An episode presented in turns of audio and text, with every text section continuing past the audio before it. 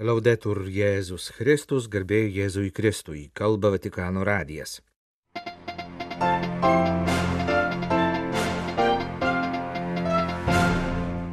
Paskelbta popiežiaus žinia, ateinančios savaitės trečiadienį prasidedančios šių metų gavėnios proga.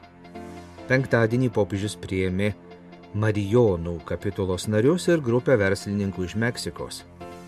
Italijos ir Vatikano atstovai susitikę vasario 14-ąją aptarė dvišalius santykius ir kalbėjosi apie taiką Europoje. Romos lietuviai paminėjo vasario 16-ąją. Penktadienį vasario 17 dieną buvo paskelbta popiežiaus pranciškaus žinia gavėnios proga. Šventojo sosto spaudos salėje žinia pristatė tarnavimo integraliai žmogaus pažangai dikasterijos prefektas kardinolas Michaelas Černiai su bendradarbiais. Šių metų gavėnios liturginis laikotarpis prasideda vasario 22 dieną. Popiežiaus žinios tema - gavėnios pasninkas sinodinė kelionė. Pranciškus komentuoja evangelistų perteikiamą Jėzaus atsimainimo epizodą. Jėzus pasiėmė su savimi Petrą, Jokūbą ir jo brolį Joną ir užsivedė juos nuo šaliai ant aukšto kalno. Pasakojimą pradeda evangelistas Matas, kurio užrašytą atsimainimo įvykio aprašymą girdėsime per šių metų antrojo gavėnio sekmadienio mišes. Kad mūsiškis mokytojo pažinimas taptų gilesnis, kad visiškai suprastume ir priimtume dieviškojo išganimo slėpinį, įgyvendinama iki galo dovanojant save iš meilės, turime leistis jo vedami nuo šaliau ir aukštyn, atsiribodami nuo vidutinybės ir tuštybės. Reikia leistis į kelią kylantį aukštyn, reikalaujantį pastangų pasiaukojimo ir susikaupimo, panašiai kaip žygyje kopiant į kalnus, rašo Pranciškus, kviesdamas apmastyti santykį tarp gavėnios askezės ir sinodinės patirties. Kaupdamas į atsimainimo kalną, Jėzus pasiima su savimi tris mokinius, norėdamas, kad ši malonės patirtis būtų išgyventa ne pavieniui, bet pasidalyta bendrai, kaip yra visame mūsų tikėjimo gyvenime.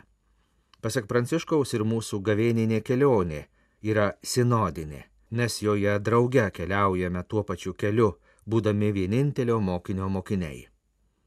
Užkopus į kalno viršūnę, Jėzus atsimainė jų akivaizdoje. Šio regėjimo grožis nepalyginamai viršijo visas mokinių pastangas, kurių prireikė kopiant į taboro kalną, rašo Pranciškus. Taip pat sinodo procesas dažnai atrodo sudėtingas ir kartais galime netekti motivacijos, tačiau pabaigoje mūsų nebejotinai laukia kažkas nuostabaus ir stulbinančio, kas padės mums geriau suprasti Dievo valią ir mūsų misiją. Mokinių patirtis ant taboro kalno dar labiau praturtėjo, kai jie šalia atsimainiusio Jėzaus pamatė Mozę ir Elyją, įkūnijančius ankstesnę Dievo tautos tikėjimo istoriją. Panašiai ir sinodinis kelias yra įsišaknyjęs bažnyčios tradicijoje ir kartu atviras naujumui. Tradicija yra įkvėpimo šaltinis ieškoti naujų kelių, vengiant sąstingio ir improvizuotų eksperimentų. Popiežius rašo, kad gavėnios askezės, kaip ir sinodo kelionės tikslas, yra mūsų asmeninis ir bažnytinis atsimainimas ir atkreipia dėmesį į du atsimainimo įvykio aprašymo aspektus, kurie gali būti naudingi mums siekiant mūsų atsimainimo. Pirmasis tai atsimainimo scenoje girdimas balsas iš dangaus, kuris sako, klausykite jo. Turime klausyti Jėzaus, rašo popiežius, ir priduria, kad sinodinėme procese klausyti Jėzaus reiškia ir girdėti, ką sako mūsų broliai ir seserys. Atsimainimo aprašyme galime išvelgti ir kitą svarbų patarimą. Evangelistas rašo, kad išgirdę iš dangaus nuskambėjusį tėvo balsą mokiniai labai išsigando ir parpuolė ant žemės. Tačiau Jėzus jiems tarė - kelkitės, nebijokite. Štai antrasis patarimas gavėnios kelioniai neieškokime priebėgos religingume, kuris susideda tik iš nepaprastų įvykių ir įtaigių patirčių. Nebijokime susidurti su tikrove, su jos kasdienėmis kovomis, sunkumais ir prieštaravimais. Jėzus parodė mokiniams būsimą savo prisikelimo šlovę ir nurodė kelią, kuriuo mes turime eiti. Popiežius paragino marijonus jų kongregacijos teigėjo ir atnaujintojo pavyzdžių liudyti meilę Marijai, melstis už mirusiuosius ir skirti dėmesį vargdienėms. Pranciškus palaimino marijonų darbus pasaulyje ir prašė toliau puoselėti pamaldumą į Mariją, tikrąją Evangelijos moterį, išminties sostą, nuliūdusiųjų paguodą ir gailestingumo motiną Pranciškus penktadienį, vasario 17 dieną, priėmė Marijonus šiuo metu Romoje vykstančios jų kongregacijos kapitulos proga. Audiencijoje su kapitulos nariais dalyvavo jos išrinkta nauja Marijonų vadovybė su naujoju vyresniuoju tėvu Jozefu Rošu. Popiežius kalboje prisiminė Marijonų kongregacijos jubiliejinius metus, kurie baigsis šių metų gruodžio 8 dieną. E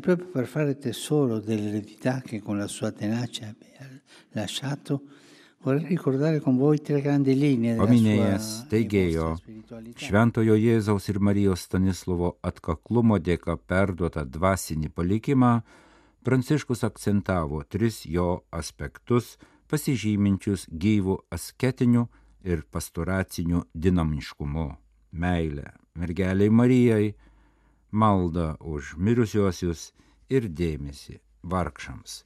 Popiežius apžvelgė steigėjo perduotą ir kongregacijos misijai būdingą eschatologinį būsimųjų laikų matmenį - maldą už mirusiuosius. Ir prisiminė, kad Marijonų įkūrimo laikais XVII amžiuje apie 60 procentų Europos gyventojų mirė dėl karo ir maro. Todėl šventasis Jėzaus ir Marijos Stanislavas prašė vienuolių melstis už mirusius, ypač už kovose žuvusius kareivius ir epidemijų aukas, guosti skausmo apimtas gedinčias šeimas ir bendruomenės. Oggi ci vuole per i soldati e stanno cadendo dappertutto. Ir šiandien reikia maldos už kareivius, jie žūsta visur, pažymėjo popiežius. Anot pranciškaus, Marijonai visuomet buvo atidūs vargdienėms, ypač parapijose sprendžiant rimtas problemas, silpstant įtikėjimą, pašaukimų stoką ir gyventojų daugumos skurdą. Popiežius ragino Marijonus perimti steigėjo dvasingumo ir veiklos gairias, toliau kūrybiškai priimti laikmečio keliamus iššūkius, prašė nenusivilti priešiškumų ir sunkumų akivaizdoje. Jis priminė bene didžiausią istorinį iššūkį Marijonams, kai jų kongregacijoje buvo telikęs vienas narys. Con l'aiuto di Dio Dievui padedant atsikūrėte. Šiandien esate apie 500 marijonų tarnaujančių 19 kraštų, sakė popiežius, paminėdamas marijonų atkūrėją arkivyskupą palaimintąjį Jurgį Matulaitį. Ricordiamo in questo contesto la figura del beato Giorgio Matunatis, chierico mariano sacerdote, vescovo e nunzio apostolico in Lituania, uno dei protagonisti della vostra rinascita. Jis sugebėjo atgaivinti bendruomenę, ją atnaujindamas. Skatino jos veiklą be baimės, tai darė slapta, nors rizikavo būti suimtas, neatsisakė skatinti vienuolių ir tikinčiųjų meilės ir vienybės, pažymėjo popiežius pranciškus, priminęs palaimintojo Vilniaus arkivyskupo ir apaštališkojo vizitatoriaus Lietuvoje gyvenimo pavyzdį. Popiežius džiaugiasi Marijonų pastoracinės veiklos prioritetais, pasaulietčio paštalavimu, ugdant pagarbą gyvybei visose gyvenimo fazėse, dėmesį paskutiniesiems ir paramą šeimoms. Šiandien šeima yra dideliame pavojuje, pridūrė popiežius, drąsindamas Marijonus išlikti ištikimais savo šaknims. Pranciškus prašė Marijonų tęsti popiežiaus Šventojo Jono Pauliaus antrojo jiems pavestą uždavinį skatinti pamaldumą į Mariją trimis jos vardais. Išminties sosto, kad Marijonų evangelinis liudijimas būtų tvirtas, nuliūdusiųjų paguodos, kad nūdienos žmonės patirtų Marijonų meilę ir paguodą, juos patrauktų dievop artimo meilės darbais ir nesavanaudišką tarnystę. Ir gailestingumo motinos, kad Marijonai būtų motiniškai jautrus, Kristaus krauju atpirktoms ir jų pamaldumui pavestoms sieloms. Questo, favore. Prašau jūsų neužmiršti Dievo stiliaus, artumo, gailestingumo ir švelnumo. Vienuolis, dvasininkas turi būti artimas, gailestingas, visiems atlaidus, švelnus, neagresyvus, kantrus ir per visas dienas meilus. Mano namai yra tavo namai. Šiuo Meksikoje populiariu pasisveikinimu popiežius Pranciškus penktadienio rytą kreipėsi į kelias dešimtis jo aplankyti atvykusių meksikiečių verslininkų. Iš tikrųjų, visiems katalikams Vatikanas yra tarsi namai - vieta, kur bažnyčios vaikai gali susitikti kaip šeima ir šlovinti Dievą. Popiežius sakė, kad jam be galo liūdna matyti, kaip nesantaika ir karai greuna žmonių šeimos darną, sukelia kančias ir skurdą. Žmonių tarpusavio santykiuose nyksta šeimos jausmas, pagarba ir pakanta vieni kitiems. Dėl to kiekvienas iš mūsų esame pašaukti prisidėti, kad mūsų visuomenėse atsirastų vis daugiau žmonių, kurie tarnautų taikai ir skatintų susitikimo kultūrą.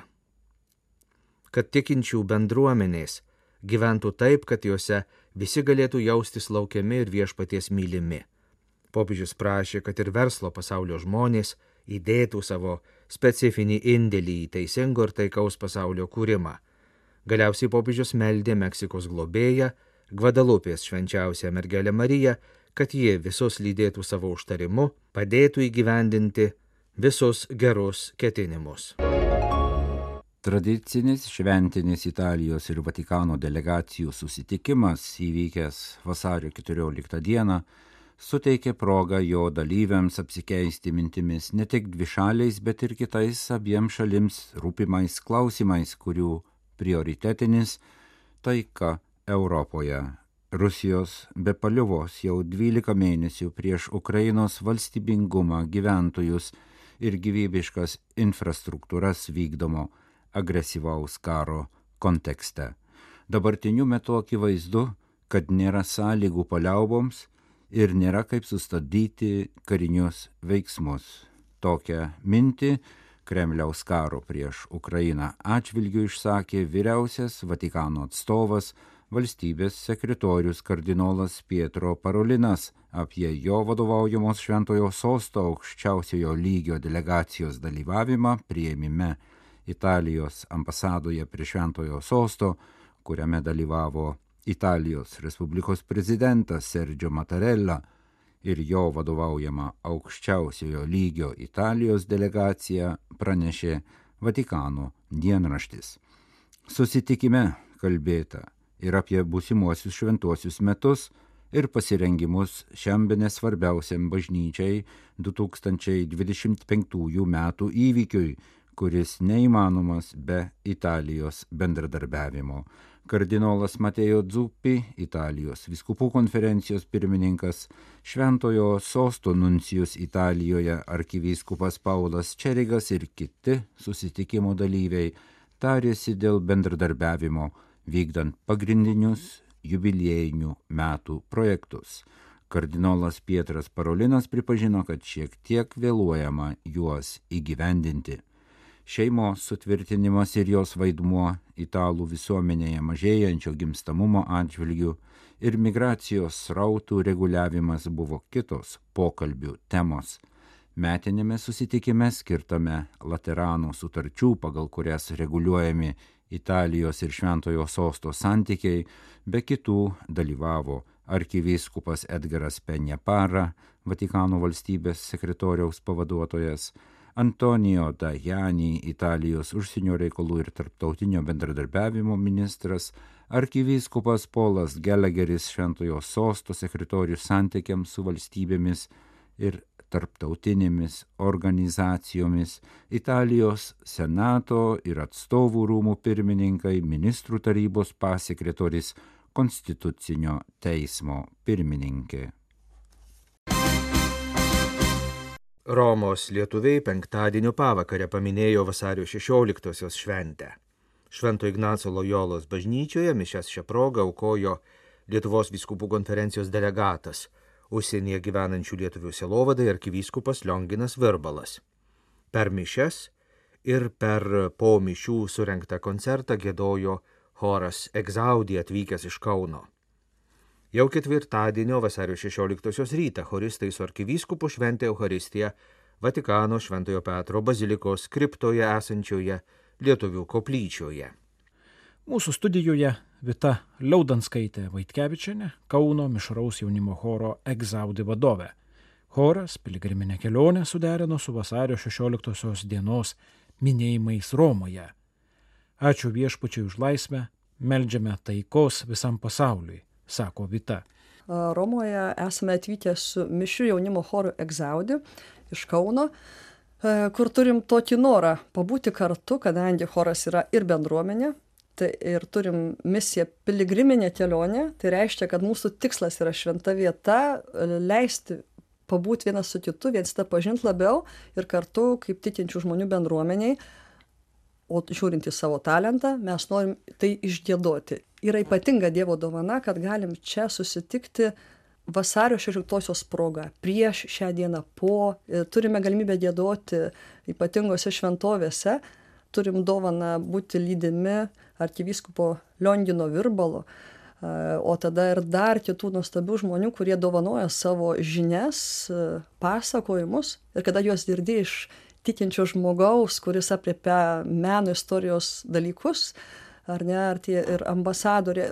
Tiesiog yra nuostabu būti ir pajunti tą tokią ypatingą dovaną šio piligriminio mūsų kelio per giesmę prisiminti ir Lietuvą, švęsti Lietuvos dieną su čia esančia bendruomenė lietuvių ir iš tikrųjų neapsiriboti vieną dieną. Mes gėdojom ir 15, gėdam ir 16, gėdosim ir 17 vasario. Apie Lietuvą, ačiū viešpačiu už laisvę ir meldžiam taikos visam pasauliui. Vasario 16-ąją gėdojote Vatikano bazilikos saušros vartų Marijos kuplyčioje, bazilikos požemiuose. Kokia emocija įsiminė? Iš tikrųjų, mes sugrįžom turbūt į tai, kur ir esame lietuviai, net ir muzikoje, kadangi Petro bazilikoje tuo metu vyksta daug mišių ir tikrai daug maldininkų įvairiuose koplyčiose prie įvairių altorių, suprantama, kad negalim visi gėdoti pilna širdimi ir visa burnarda. Tai buvom pakviesti nebent prisijungti giesmę labai labai tyliai. Ir iš tikrųjų tai pajutom tokį net uh, labiau tą giesmę, kada gėdi labai tyliai. Ir tada labiau įvertinė, kad pats iš esmės turi didžiulę laisvę dėdot štai Lietuvoje lai, laisvai. Ir iš esmės dabartinėme gyvenime dėdot laisvai. O čia toks buvo tarsi ne pirmųjų krikščionių kažkoks tai susibūrimas ir galėjom gėdoti, bet labai tyliai. Iš tikrųjų, tada esmė tokia ir labai paliečia širdį.